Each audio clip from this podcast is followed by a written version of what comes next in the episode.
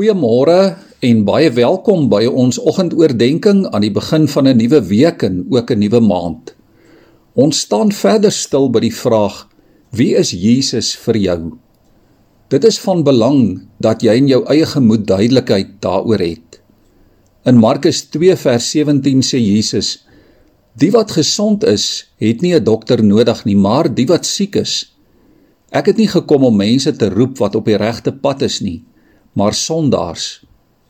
Die Here sê hier baie duidelik dat hy die geneesheer van God is.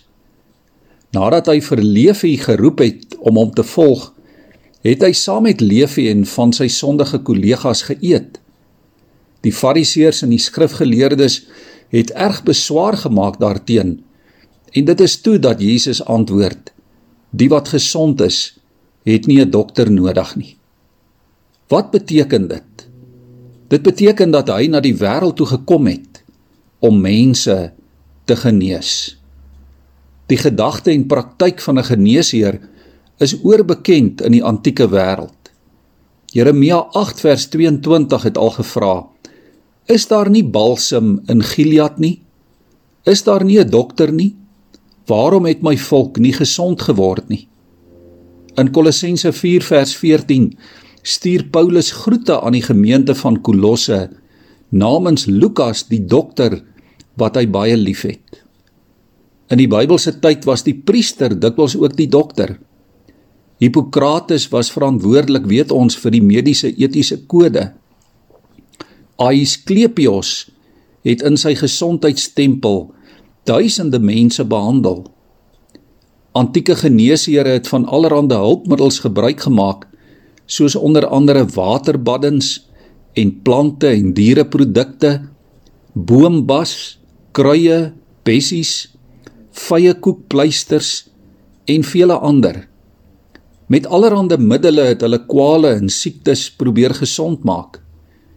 En nou sê die Bybel, Jesus is die geneesheer by uitnemendheid. Niemand kan met Jesus vergelyk word nie. Baie dikwels het hy die koninkryk van God verbind met die genesing van mense. Hy het mense geleer, hy het gepreek, hy het siektes genees, mense gesond gemaak en sy opdrag aan sy volgelinge was: gaan verkondig wêreldwyd die koninkryk van die hemel het naby gekom. Maak siekes gesond, wek dooies op, reinig malaatses en dryf duiwels uit. Ja, hy was betrokke by mense se fisiese en geestelike en emosionele nood. Hy het nie onderskeid gemaak tussen mense nie. Nie onderskeid gemaak tussen armes en rykes, plattelanders en paleisbewoners nie. Hy het mense nie raak gesien as prinses of bedelaars of klerke of bestuurders of makelaars of ekonome nie. Vir hom het elkeen genesing nodig gehad na liggaam en siel. En daarom het mense na hom toe gevlug. Mense met emosionele laste en sielkundige nood en spanning en stikkende verhoudings. Ja mense met bekommernis en hartseer en trauma en onsekerheid en twyfel. En die merkwaardige, liewe vriende, is dat hierdie geneesheer sy lewe waag ter wille van siekes. Niemand het als ooit soveel gegee of gewaag of gedoen as Jesus nie. Hy het sy hemelse eer prys gegee. Hy het die pad van aardse lyding gekies ter wille van ons.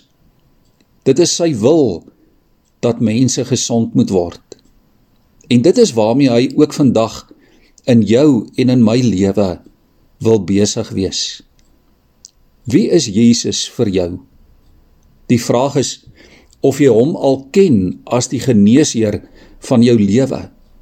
Of jy hom al as geneesheer geraadpleeg het. Het jy al jou liggaam en jou siel en jou gees aan hom toevertrou? Die groot hemelse internis Jesus van Nasaret. Hy ken jou deur en deur. En hy is vandag ondersoekend en genesend in jou lewe betrokke. Hy ken jou liggaam, hy ken jou gedagtes en hy ken jou hart. Kom ons bid saam. Here, ons bely dat ons deel is van 'n stikkende en 'n siek en 'n afhanklike wêreld. Ons bely, Here, dat ons U as die geneesheer nodig het. Kom help ons vandag om gesond te word. Kom help ons, Here, om gesond te lewe na liggaam en siel en gees. Ons het U nodig. Kom raak ons aan met die vingerpunte van U genesende krag en van U liefde. Amen.